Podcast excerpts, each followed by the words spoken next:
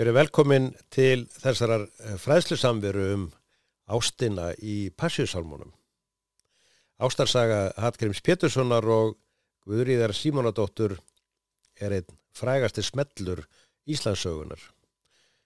En hvaða áhrif höfðu ástir þeirra og dramatísk saga á ljóðagerð höfundarins og efni Passjusálmana? Steinur B. Jónesdóttir Rittumundur þekki manna best sögu Guðríðar og Hallgríms. Hún hefur skrifað fjölda áhrifaríkra bóka, leikrit og rítgerðir um þau. Engin rittumundur þjóðarinnar kann betur að lýsa báðum Hallgrími og konu hans Guðríði. Bækur steinunar hafa verið þýttar á mörg ellen tungumál. Þær hafa farið víða og líklega hafa fleiri haldið á hennar bókum ellendis en passjósálmum Hallgríms í þýðingum. Steinun er því ekki aðeins rittöfundur heldur líka ambassador Passjusálma, íslenskra menningarsögu og bókmenta. En fyrst að upphafinu Steinun, hvað varð eiginlega til að þú fórst að rannsaka þetta ástarpar og velta við öllum steinum til þess að skoða sögu þeirra? Uh, ég er fætt á Akranessi, um, alin upp uh, með eh, sterka tilfinningu fyrir tilvöru skáldsins í Sörbæ vissi alltaf að þarna hafði Hallgrimur Pet Pétursson setið og þarna hafði hann orrt passíusálmuna. Eh, þegar að ég keirði frá Akranessi til Reykjavíkur ímist í rútum eða í bíldröslum foreldrana. Að þá var þetta einhvern veginn svona staður, sögustafur sem að, að hérna, ég sem bara bar mikla virðingu fyrir og leit alltaf til, horði alltaf þarna niður af veginum, niður að Sörbæ. Um, vinkona mín, æsku vinkona mín, Inga Þóra Geljustóttir, var að revja það upp að ég hefði kynnt passíusalmana fyrir henni. Ég var búin að stengleima því. Hún sagði að þegar við vorum sjóra á Akranesi, þá hefði einhver tíma komið heim þar sem að mamma var að skúra og ég las fyrir hana upp, upp mín sál og allt mitt geð, upp mitt hjarta og rómur með, hugur og tunga hjálpi til, herrans pínu ég minnast vil. En þá hefur, í rauninni, þá hefur þetta verið haft fyrir bara í bensku? Það er alveg augljós, sko, en eh, mamma var mjög góður upplesari og eh, kannski hef ég verið búin að heyra hann að lesa þetta. Ég, passjúsálmannir sem voru fluttir í útvarpinu og eru enn, og ég nýtt þess heiðus að vera að flytja þá núna um þessa myndir þeir tilheyra bara hljóð heimi benskunar ég ætla ekki að segja það að ég hefði setið og hlustað aktíft á passirsalmalesturinn en þeir voru þarna. Og ég stundur hlustaði ég alvöru og uh, stundum ekki. Þetta er hlutið af náttúrulega bara þeirri menningur sem að þú uh, elst upp í. Já, það er það. Og, og amma mín hún var trúukona og hún átti passíðsálmana og uh, þannig að einhvern veginn þau bara tilheyra uh, benskunni uh, en þetta er sem sagt bara fyrst og ennst vitundun um Hallgrím. Það er svo ekki fyrir en löngu löngu setna þegar ég er búin að vera leikona í þjólukursunu er bara komin svona í síðara hluta míns karjers þar, ég var leikona þar viðlúðandi í 16 ár, eitthvað svo leiðs og uh, þá uh, þá var ég valinn til þess að leika hlutverk Guðriðar Simonadóttur í leikriti eftir Jakob, sér Jakob Jónsson sem var prestur í Hallgrímskirkju. Uh, leikritið hétt Tyrkja Gutta Og var það eitthvað sem þú sótist eftir þá eða, eða var þetta bara sko, eitthvað svona mat á þér sem leikona þú passaðir vel inn í Guðrið eða kannski eitthvað mat á því að þú værir Guðriður í þér? Örulega ekki, ég, já, ég, ég veit ekki. Þetta er semst mat á mér sem leikonu og einhvern veginn mínu, uh, já, minni sál. Ég, ég bara uh, veit ekki því að það voru fleiri sem komið til greina og þarna er ég um, líklega 35 ára og um, þetta var Benedikt Árnason sem var einn af þessum leiðandi eh, leikstjórum í þjóðurkursinu um langt ára bil. Þetta var endar hans setni perjóta og, og hann setti ekki eins mikið upp þarna en hann sem sagt hafði lengi haft uh, mikla trú á mér sem leikonum, ég vissi það. Og hérna valdi mig sem sagt í þetta. Og uh, þarna var uh, Tyrkjagutta mér bara bísna fjarlag sem persóna. Fyrst og næst var hún svona einhvers konar þjóðsagnar persóna. Ég hefði lesið ljóð uh, Davíð Stefánssonar og eitthvað verið að spreita mig á því að, að lesa það upp átt.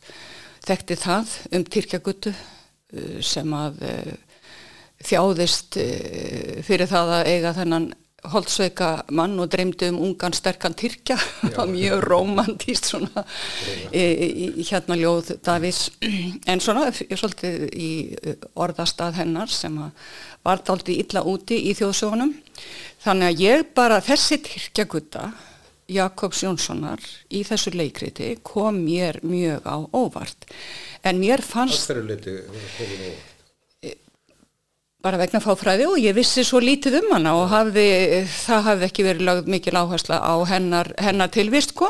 En Tyrkjagutta einhvern veginn í, í svona í uh, tólkun kannski uh, setni tíma er eiginlega svona bara sko uh, famfatal konar hillingsins þessum að afvegarleiðir og svo framvegist þannig að einhver leit er, er sko annarsvegar Hallgrímus sem er þessi mikli heilagleika maður uh, þetta ofurskáld annars vegar og svo hins vegar konan sem kemur einhvern veginn utan úr heimi þannig að þetta er einhvern veginn svona þessar miklu anstæður.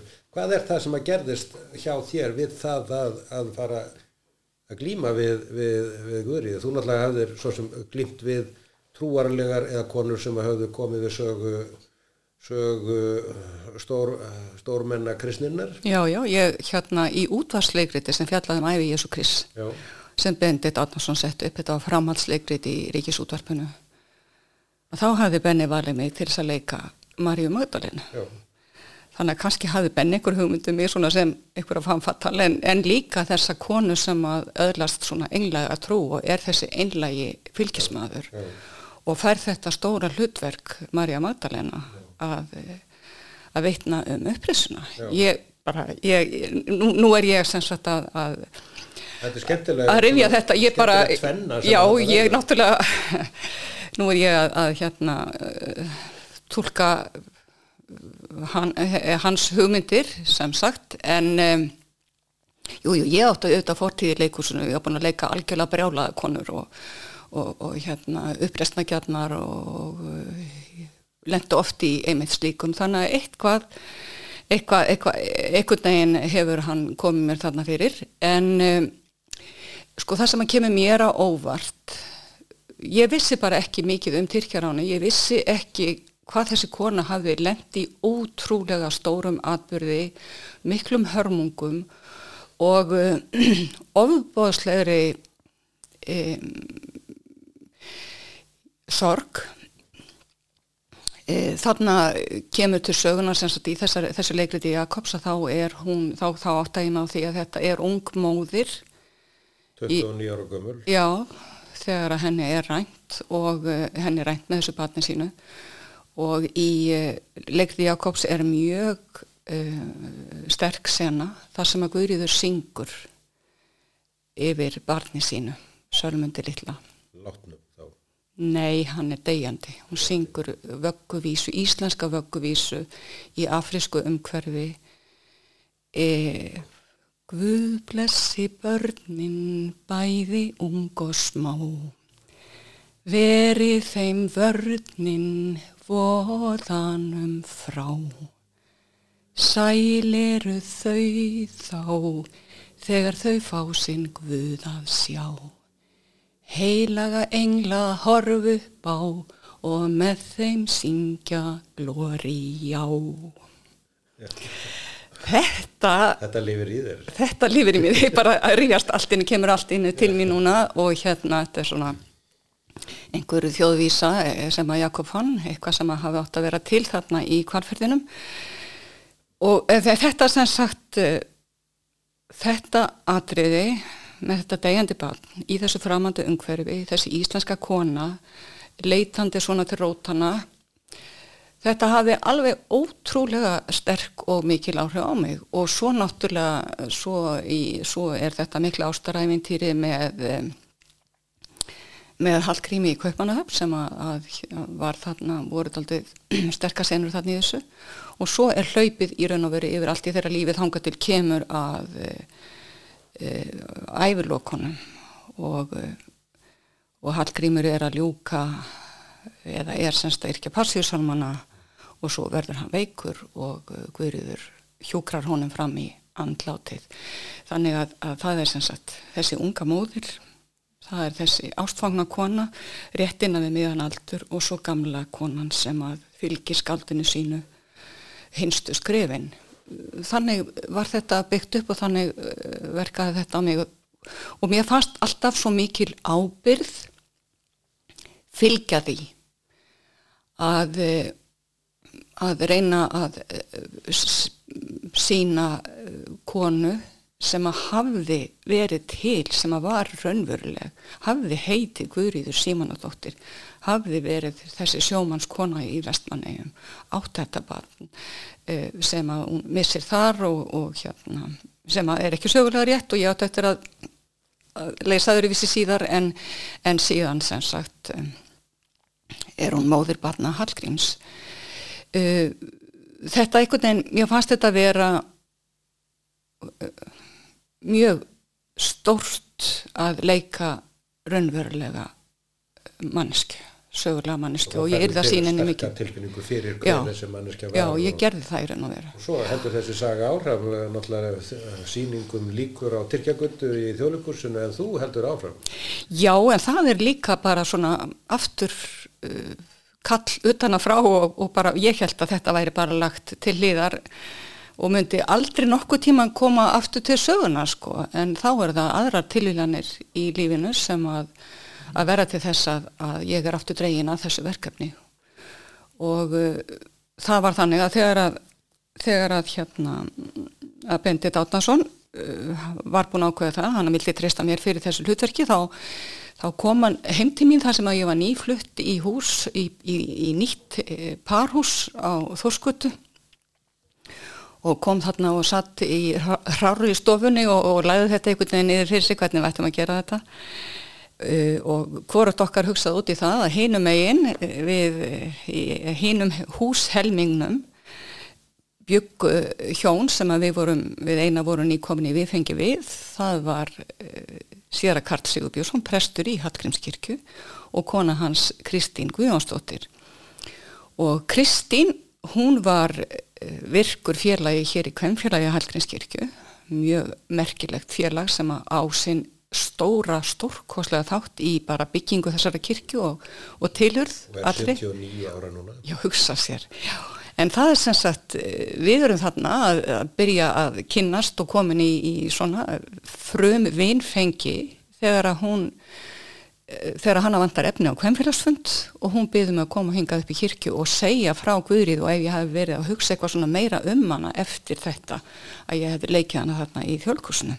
Þetta er allt mörgum árum síðan sko og uh, ég var búin að uh, hérna búa í Svíþjóð og er bara komin aftur heim og svona þannig að þetta, þegar að þetta verður þannig að, að hérna ég kem hingað upp í kirkju og, og flytt þessa hugleðingu mína um Guðriði og uh, sem að mér þótti svona væntum sem ég hafi tekið miklu ástfóstri við og uh, og Karl, presturinn þó að hann væri ekki hérna, meðlimur í kvænfélaginu, þá hafði hann laumað sér inn á þennan fund og hann hlustaði á þetta og honum fannst þetta svo rosalega merkilegt að hann fór fram að það við mig að, að ég skrifaði út lengri fyrirlestur og, og, og þetta er bara auðlistur sem ofin fyrirlestur hér í kirkini sem og varð og, og það eru þar feiknarlega viðbröð við þessum fyrirlestri og fyltist hér norðursalurinn í kirkjunni af áhuga sem er fólki og, og ég hef gert að það upp að meðal áhuga samla gesta, enginn var bóðinn,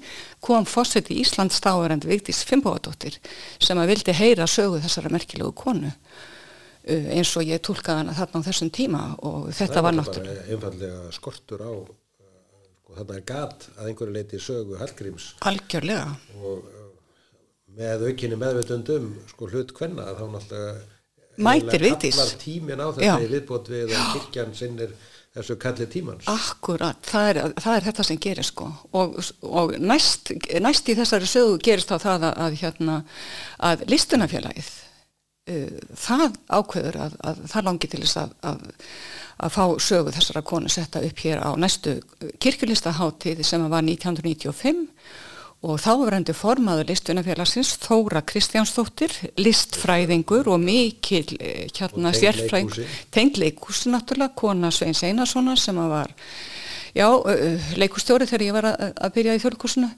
og, og hérna og bara svo mikil sérfræðingur í kirkulist hún eh, fer fram á það við mig að ég skrifi sagt, leikri til þess að leika hér í þessari kirkju. Þannig að að síni mér alveg gríðalegt tröst, ég var búin að fá leikrit syngt í þjóðlikursuna, stóra segið þjóðlikursins þegar ég var ung leikona og það hafði bara virkilega hlotið miklar undir þetta og þótti mjög spennandi. Þannig að hún hafði svona einhver rauk fyrir því að ég myndi hugsanlega geta leist þetta verkefni og uh, ég þó að kirkjan væri þá með mjög lélegar hljóðflutningsgræjur og uh, hljómburður en óskaplega erfiður og mér bara mig sundlaði og mér hraus hugu við þessu þá ákvaði ég samt að ég væri bara algjör auðmiki ef ég ekki reyndi. Svolítið að ég tók þessari áskorun já. settist og leikrið er alltaf sló í gegn.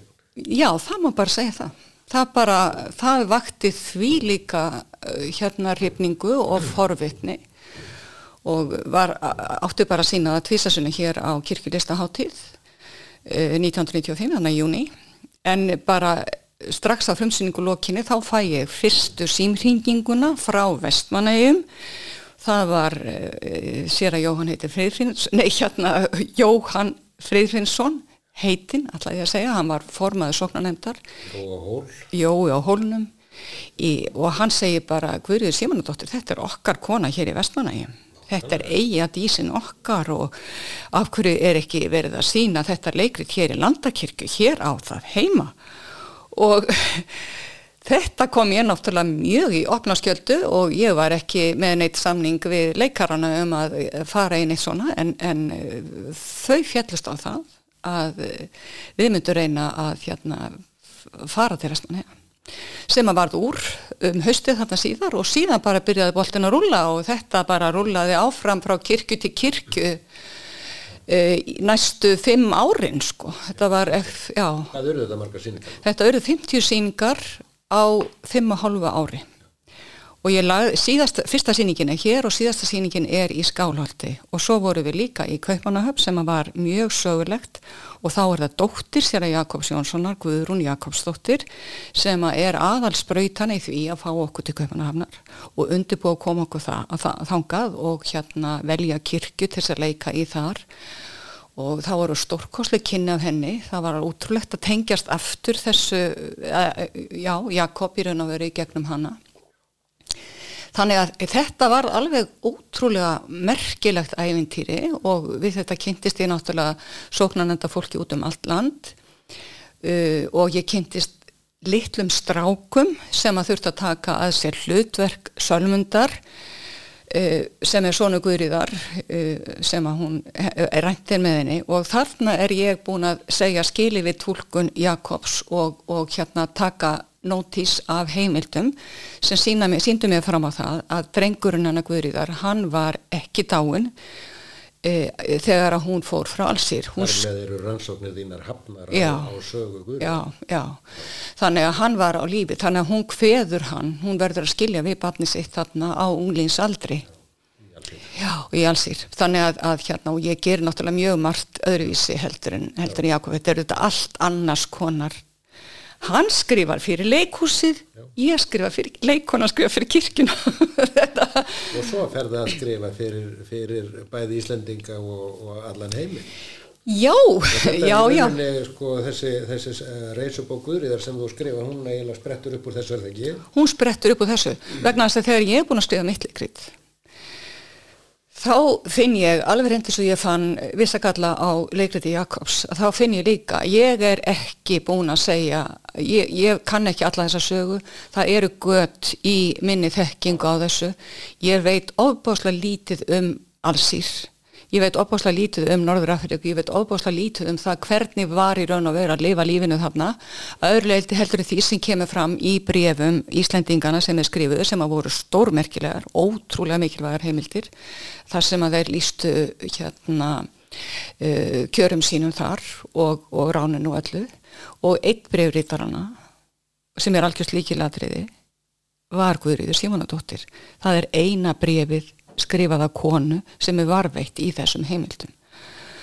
Og, uh, og það er svona ímislegt sem að ég hafi séð sem að ég átti þetta að rík halda í í þeirri viðletni minni að nálgast hana betur, skilja hana betur og, og, og í heimildunum að þá ekki líka augun í það að það eru til sem sagt kortlagning á ekki bara tilgerðunum sjálfu og kjörum fólksins þarna heldur líka þegar búið er að leysa hluta af þessu fólki e, eftir nýju ár úr ánöð með miklum tilkostnaði, mikill skrifinsku uh, e, liggja eftir uh, mjög nákvæm og merkileg skjölum það, þá á þetta fólk eftir að fara í mikla reysu það átt eftir að skrifa reysubók Guðriðar Símanadóttur. Eina grunnheimildunum okkar um Tyrkjaránið er reysubók sér að Ólafs Eilssonar. Hann segir sögu sína, það átt eftir að skrifa sögu konu sem að lendi í ránunu sögu konu sem fór í þessa miklu reysu frá Norðuraf, fyrst frá Íslandi til Norðurafriku sem er þessi ægilega sjóferði yfir Allandshafi í misjöfnum veðrum, síðan í sumarblíðu yfir miðjararhafið og í gegnum öll þessi menningarlönd söður og vestur Evrópu og allarlega norður til Kaupanahafna. Þetta vissi engin um en áfangastæðarnir eru allir í heimildunum. Áfangastæðinir og hvenar uh, hó, hópurinn, hvenar fólki, hvenar guðriður er á hverjum staðnum, það er skráð frá þessum degi til þessa dags. Þannig að þetta var svo stórkoslegt en það var nánast ekkit sagt um hvað gerðist á hverjum stað menn komu til hins mikla staðar Marselíu menn komu til hins volduga staðar e, Toulouse, hins eh, volduga staðar Bordeaux, hins volduga staðar Amsterdam e, og hérna þannig að, að heimildirnar um hvað gerist á hverjum stað eru nánast engar en leiðarlýsingin er fyrir hendi.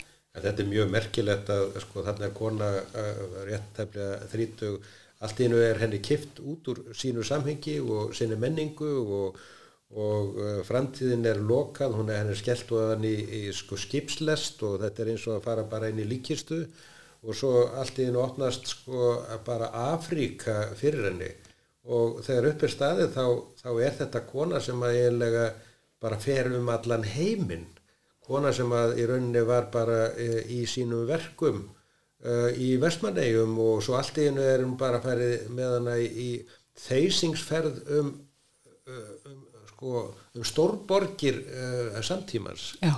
Fyrst í, sko, í þessa stórborg í Allsýr og, og síðan þessa borgir sem þú nefnir. Þetta er náttúrulega í rauninni seld kona sem kemur til Kaupanahafnar. Algjörlega. Þetta er bara, já, þetta er mjög sild og veraldarvön kona, þetta er heimskona sem kemur til Kaupanahafnar þegar að þegar fundum hennar og Hallgrímsberg saman sko, þetta, og þetta er sko 17. öldin sko 16. öldin er auðvitað eh, tími landafundana 17. öldin er tími mikill að siglinga og mikill að sjórána fram og tilbaka millir þessara uh, menningar heima sem þarna er að takast á múslima og krist, kristina og það eru sjórán uh, þess og kruss og, og fram og tilbaka uh, sko og fyrst og reynst er þetta veröld karlmanna.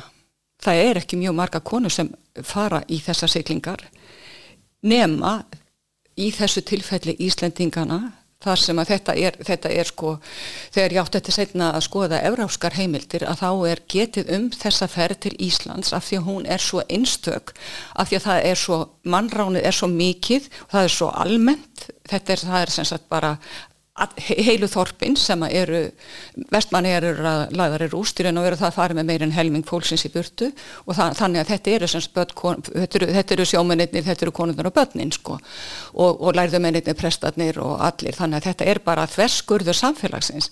Og allt í unni er þannig að, að hérna, þetta rán á Íslandi gerir það verkum og það er skindilega ótrúlega mikið af norrænum konum sem eru stattar á þessum slóðum. Uh, konum hafi vissulega verið rænt af ströndum Spánar og, og af, af Portugal og, og Fraklands og Ítalíu, söður ströndum hérna Evrópu, uh, einn og einni og í svona leiðungrum þangað en, en svona stór hópur uh, norrætna kvenna, þetta, þetta er algjörlega einstakt. Og og uh, þarna er ég allt í hennu komið bara með personu sem að hefur séð svo mikið og hef býr yfir svo ótrúlega sög og hefur frá svo miklu að segja ef að einhver spyr hana Já. ef að einhver sínir henni áhuga ef einhver segir hvað gerðist hér einhverju segðu mér segðu mér og setna átti þegar reysubókin mín er komin út eða reysubók Guðriðar sem er líka reysubókin mín. Já, já, Af, ég fó, ég ákvað þetta væri leiðin.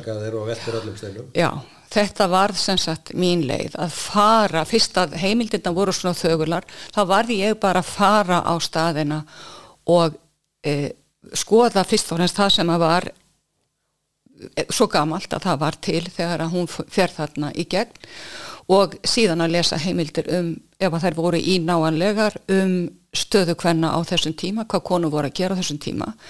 Og hér á Íslandi er auðvitað mjög vaknandi áhugi fyrir hvernasögu, það sama er út um allan heim, þannig að ég fæ aðgang að tölverðu efni líka eftir konur í Arabaheiminum sem er að byrja að fara á baku blæjuna Beyond the Veil eh, er eina af þessum leikilbókun sem ég kemst mjög snemma í eftir, eftir hérna Fatimu Menissi sem er uh, marokkosk uh, fræðikona nýlega dáin. Uh, og þann, þannig að ég sökku mér ofan í annars vegar heimildir um sögukonna og hins vegar bara að fara alla þessa leið. Og, og það var kona, glögg kona sem að sagði einhvern tíma þegar farið var að fjalla ofinbyrlega um reysubókin eftir að hún var komin út að í raun og veru væri þetta sko aðferð leikonunar sem að bara setur sig á svið sögunar sviðið er þarna fyrir hendi. Ég leita sviðin uppi. Nú er all, allir að tala um sviðsmyndir. Já, já. sviðsmyndir, sviðsmyndir, sviðsmyndir í COVID og sviðsmyndir í öllu.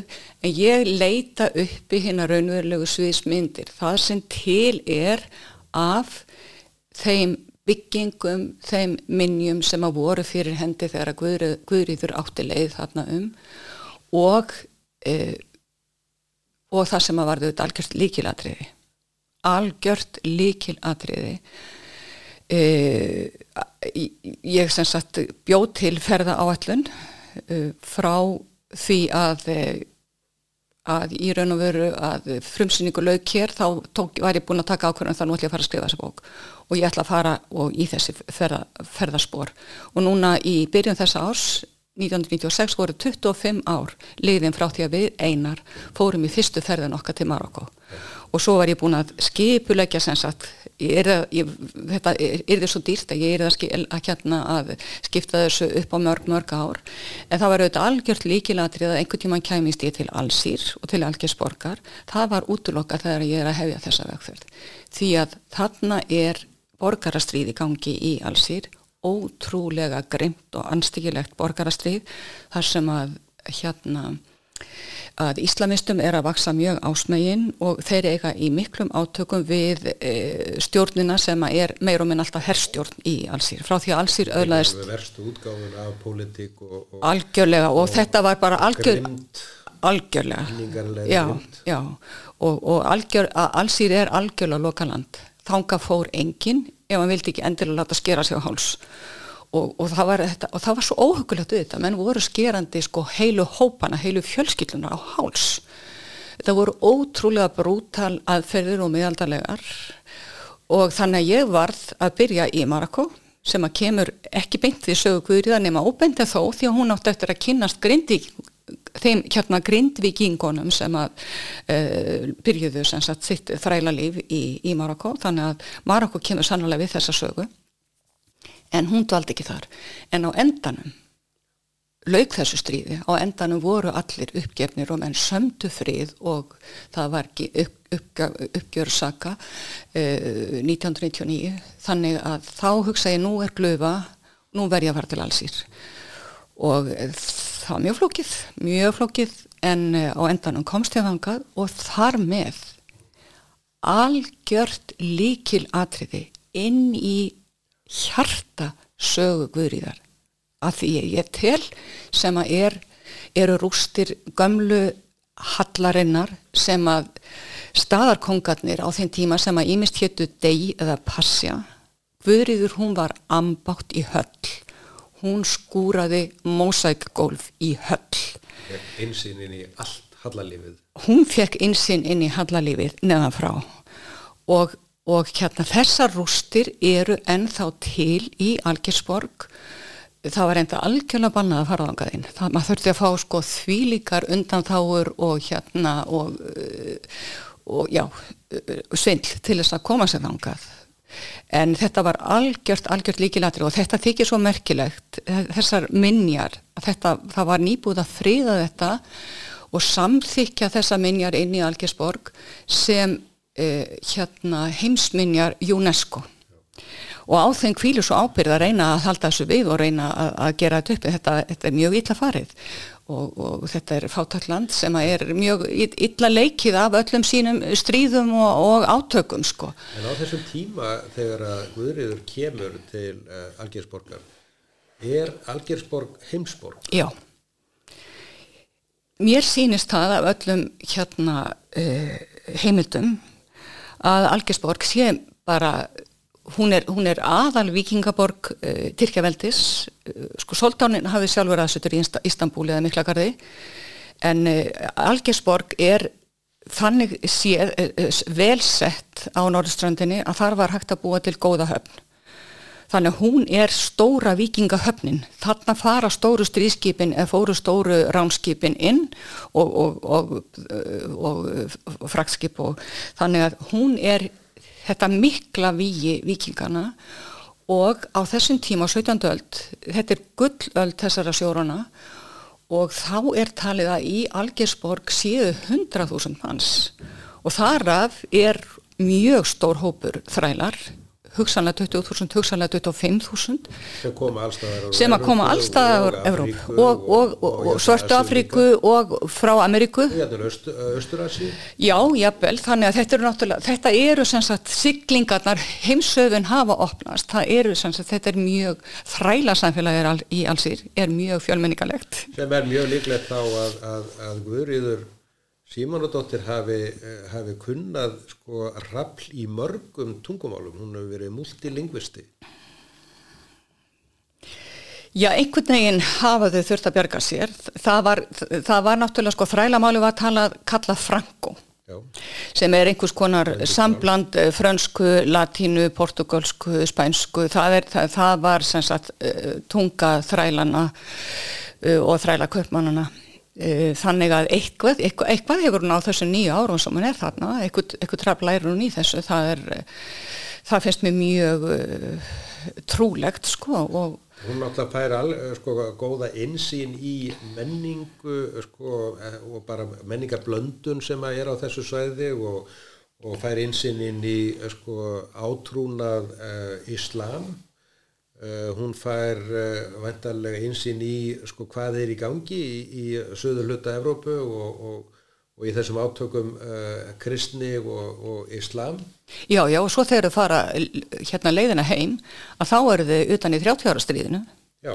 Þetta er semst 36 sko, 30 ára stríðið er í fullum gangi. Og þá vantarlega sko, eins og kemur fram í reysbókinni einhvern ávæning af stríðum fortíðar húkanotta og Húkenóttar eru á flótt, já já, þannig að þetta, þetta eru sem sagt stríð eh, ólíkra mótmælenda hópa þessum franskir húkunáttar eru á flóta undan katholíkonum þarna. Já. og það er alls konar, já já, það, það eru trúabræðastríðin eru alveg yfir sín yfir Norður-Afríku yfir uh, Íberjúskagan yfir Frakland, yfir Eialífið á Mallorca og uh, hún fær tilfinningu fyrir uh, sko, Englandi og, og fyrir Hollandi og, og áður en hún kemur svo til til Danmörkur og, og, og hugsanlega og kannski eh, er hún fyrirsæta hjá Rembrandt á leðinni gegnum Amsterdam eða hvað? Já, það er náttúrulega... Skemmtilegu vingil. Já, það er mjög skemmtilegu vingil. Það er, það er, það er sem sagt vingil sem ég nota til þess að sína fram á að Rembrandt og Hallgrímur eru samtíma menn. Sína fram á að Hallgrímur er og hans stóra afreg eh, barokkskálsin sem átt eftir að tala um hans síðar að það er að sagt bæði bókmyndir og myndlist eh, eru standa mjög hátt í, þetta er algjör gullöld myndlistar í Hollandi á þessum tíma og Rembrandt er öfut við ímsa aðra frægamálara, þá er hann ekki að mála hyrfólk, heldur er hann að mála allþið manna og hann býr í Amsterdam, hann býr ekki í höfuborginni.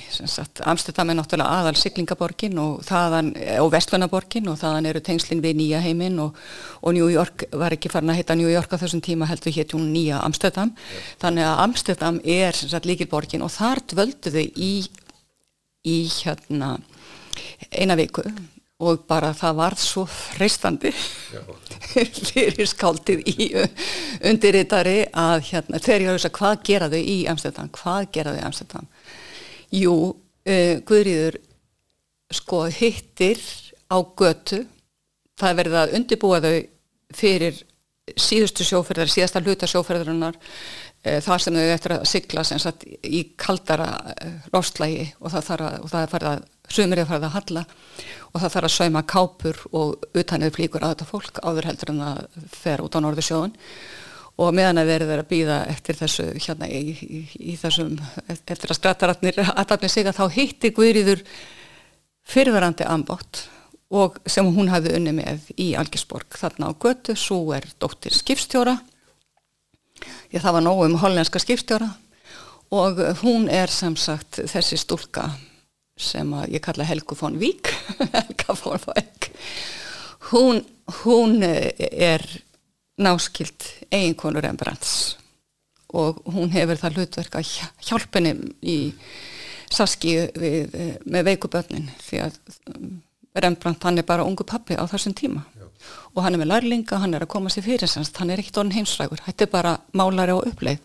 Og skömmu síðar á Guðurður eftir að kynast sínum Rembrandt eða sínu stóra listamanns sál. Barokkmeistarunum og sem að horfir á hana svipum augum og Rembrandt. Já. já, já, þetta er náttúrulega svona, svona getur maður leitt sér tannig að sko, þú veist e, e, re, reysubók Guðriðar Simonadóttur er skaldsa sem að byggir á öllum þeim heimildum sem að hægt er að nýta sér íslenskum og síðan verður maður að nota í ívafið allt sem er að gerast í Evrópa á þessum sama tíma það er sem sagt bara þetta er, e, þetta er bara, þetta er bara menning, Evróps menningarsaga í leiðinni sko. þannig að ég kafaði ofan í sögu allra þessara borgar sem þú fór um til að bara vita hvað, hvað var akkurat í gangi akkurat þessum tíma og þessum stað. Og mörguleiti opnar reysbókur í þar sko, menningarsögu uh, Evrópu fyrir öllum þeim sem er að lesa þessa bók. En hvaða, hvaða mannaskerða sem að kemur svo til Kaupanahafnar og hittir þennan unga svein í uh, latínuskóla í Kaupanahafn, strák sem að hafi, hafi, hafi strókið að frá Íslandi og, og, og lendi í, í Glöggstad og, og er svona sko, að einhverju liti uppi reistur, uppi risin eins og hún. Já, það er, það er hérna Guðriður uppástuði allra besta. Guðriður eins og hún er hugsanlega fallegust. Uh, hún er, kemur úr þessari ævinterlegu ferð. Hún er búin að kvílast frá erfiðinu. Hún hefur ekki þurft að vakna til þess að, að sinna einhverjum þræla eða ambáttarstörfum alla daga uh, og hún er bara búin að taka inn, eins og ég segi bara þessa vestur-európsku átaka og menningarsögu og er bara upplift en í hjarta hennar er stort sár sem að eh, ekki þarf mikið til þess að, að eh, ripni ofan af. Það er sár sem er að byrja að eh, gróa eitthvað lítilega því að hún þurfti sagt, að segja skili við svonsinn í Algersborg þegar hún fer þaðan Guðriður Simonadóttir er síðust allra Íslendingana til þess að vera leisturhaldi. Ég tólkaði þannig að hún hafi verið tvístígandi fram á síðustu stundu þó hún hafi verið búin að reyna að undirbúa það í öll árin að vinna sér uh, vinna uh, fyrir lustnagjaldi því að hún átti pening, hún hennaði tekist að sapna peningum sem að aðeins einannu kona í þessum hópi hafi gert að einhverju marki. Þannig að hún átti, hún borgar sjálf tíund og luta lusnagjálsins eh, þannig að þetta er kona sem að eh, er virkilega búin að vinna því að fara heim en kannski uh, heldur það henni líka bara er hún tvístegandi af því að hún verður að skilja drengin sin eftir þennan són sem að var ræntmiðinni sem var kannski fjóra-fimm ára gammal þegar að þau komu til Algisborgar og er þarna 13-14 ára. Vissulega voru 13-14 ára þrælar bara að berja að verða fullotnir en e, það er óbúslega sárt fyrir móðurinn að þurfa að skilja þetta barn eða þennan úlingsinn eftir og það er það, þetta sár sem að mér finnst að hún sé með í hjartanu.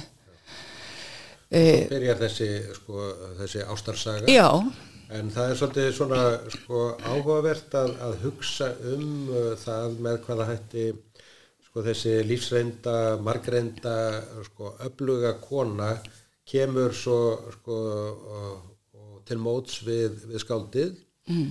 og uh, við vitum það að, að hún hefur alveg öruglega haft alveg gríðarlega mikil áhrif á Hallgrím með svo margvíslegu móti með uh, sínsinni, tilfinningu, þekkingu mentun, insýn og uh, kannski bara þessi spurning um, hvað af, uh, nú ert þú að lesa sjálf uh, Passíusalmana í, í ríkisútarpið og þú er búin að vera að vinna með þessa texta og, og, og sögu þeirra begja með svo margvinnslegum hætti í mörg ár, ára týjir rauninni. Hvað af Guðriði lifir svo í ást og sögu og tilfinningu passjusálmana?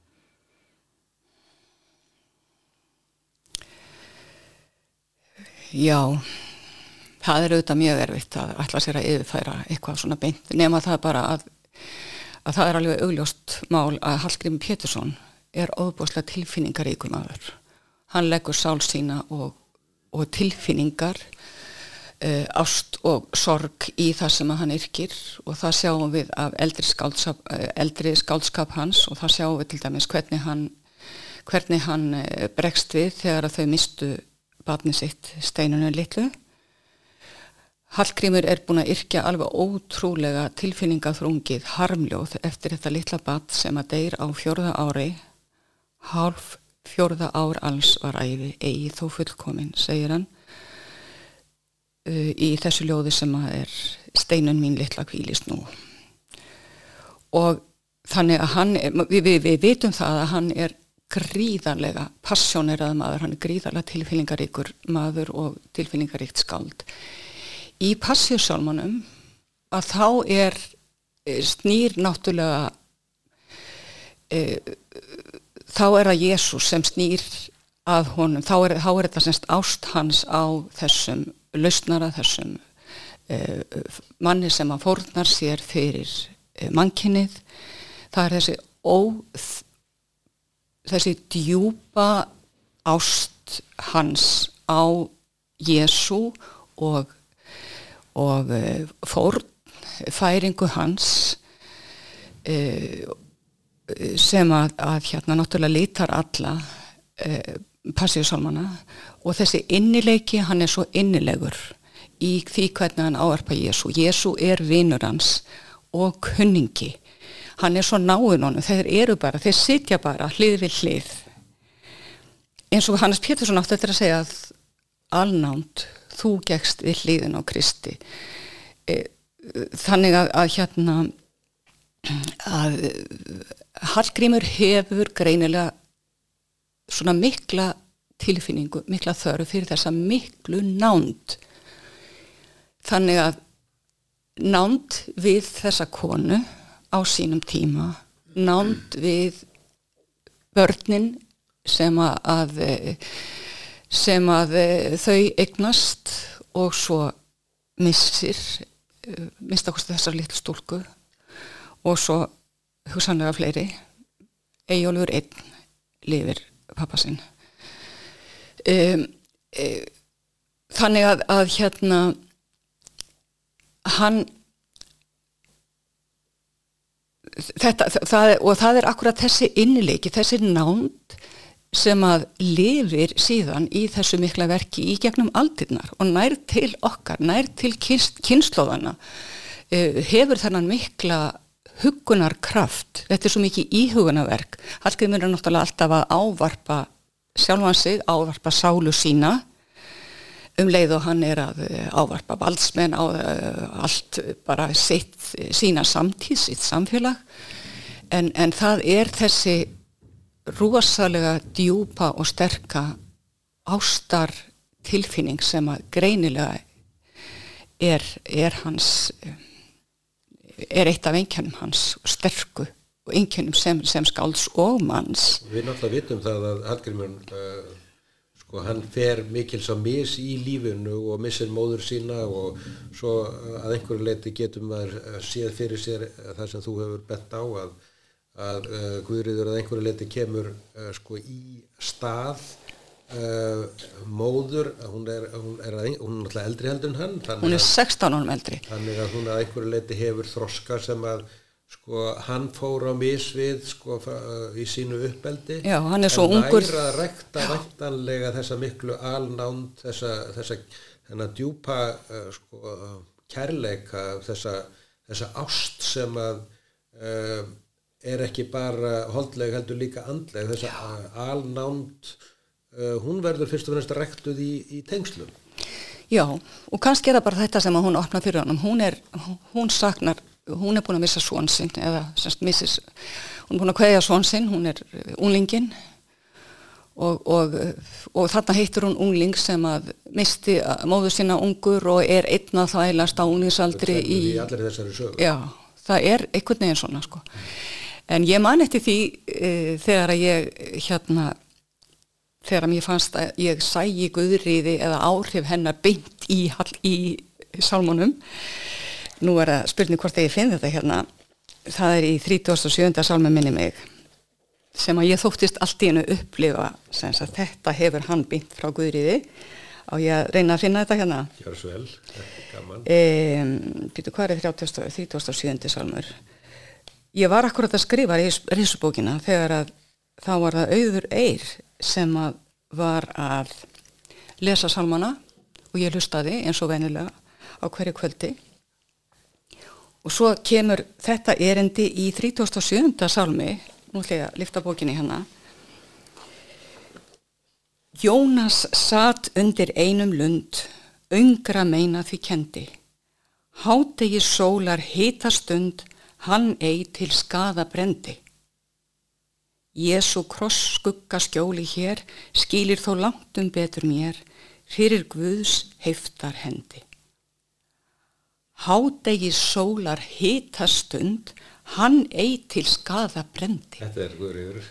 þetta er Guðriður í Algersborg, þetta er Guðriður sem er búin að segja honum hvað hitin er óbærilegur hvaða hátegi sólar hítastundin er óbærileg þá brenna allir til ösku þannig að ég bara hugsaði þrátt fyrir allt og, og, og, og menn hafi sagt að það sér, maður sér ekki hérna votta fyrir því, það er náttúrulega alránt því að Hallgrímur áttu eftir að yrkja hérna andláts, ljóðin sín þar sem að hann þakkar fyrir e, fjölskyldu sína, fyrir konuna sína og allt það, hann, en menn sögðu semst alltaf að þess, það, þess hér hverki stað að Hallgrímur hafi átt þessar konu í skálskapan, þetta er alránt en það sá hérna líka. Guður hefur náttúrulega í rauninni sko fundið uh, sviðsmyndir fyrir Hallgrím að sjálfsögðu með því að segja honum hvað þarna var. Sviðsmyndirnar sem hún lísti, það eru sviðsmyndirnar fyrir Jérúsalem.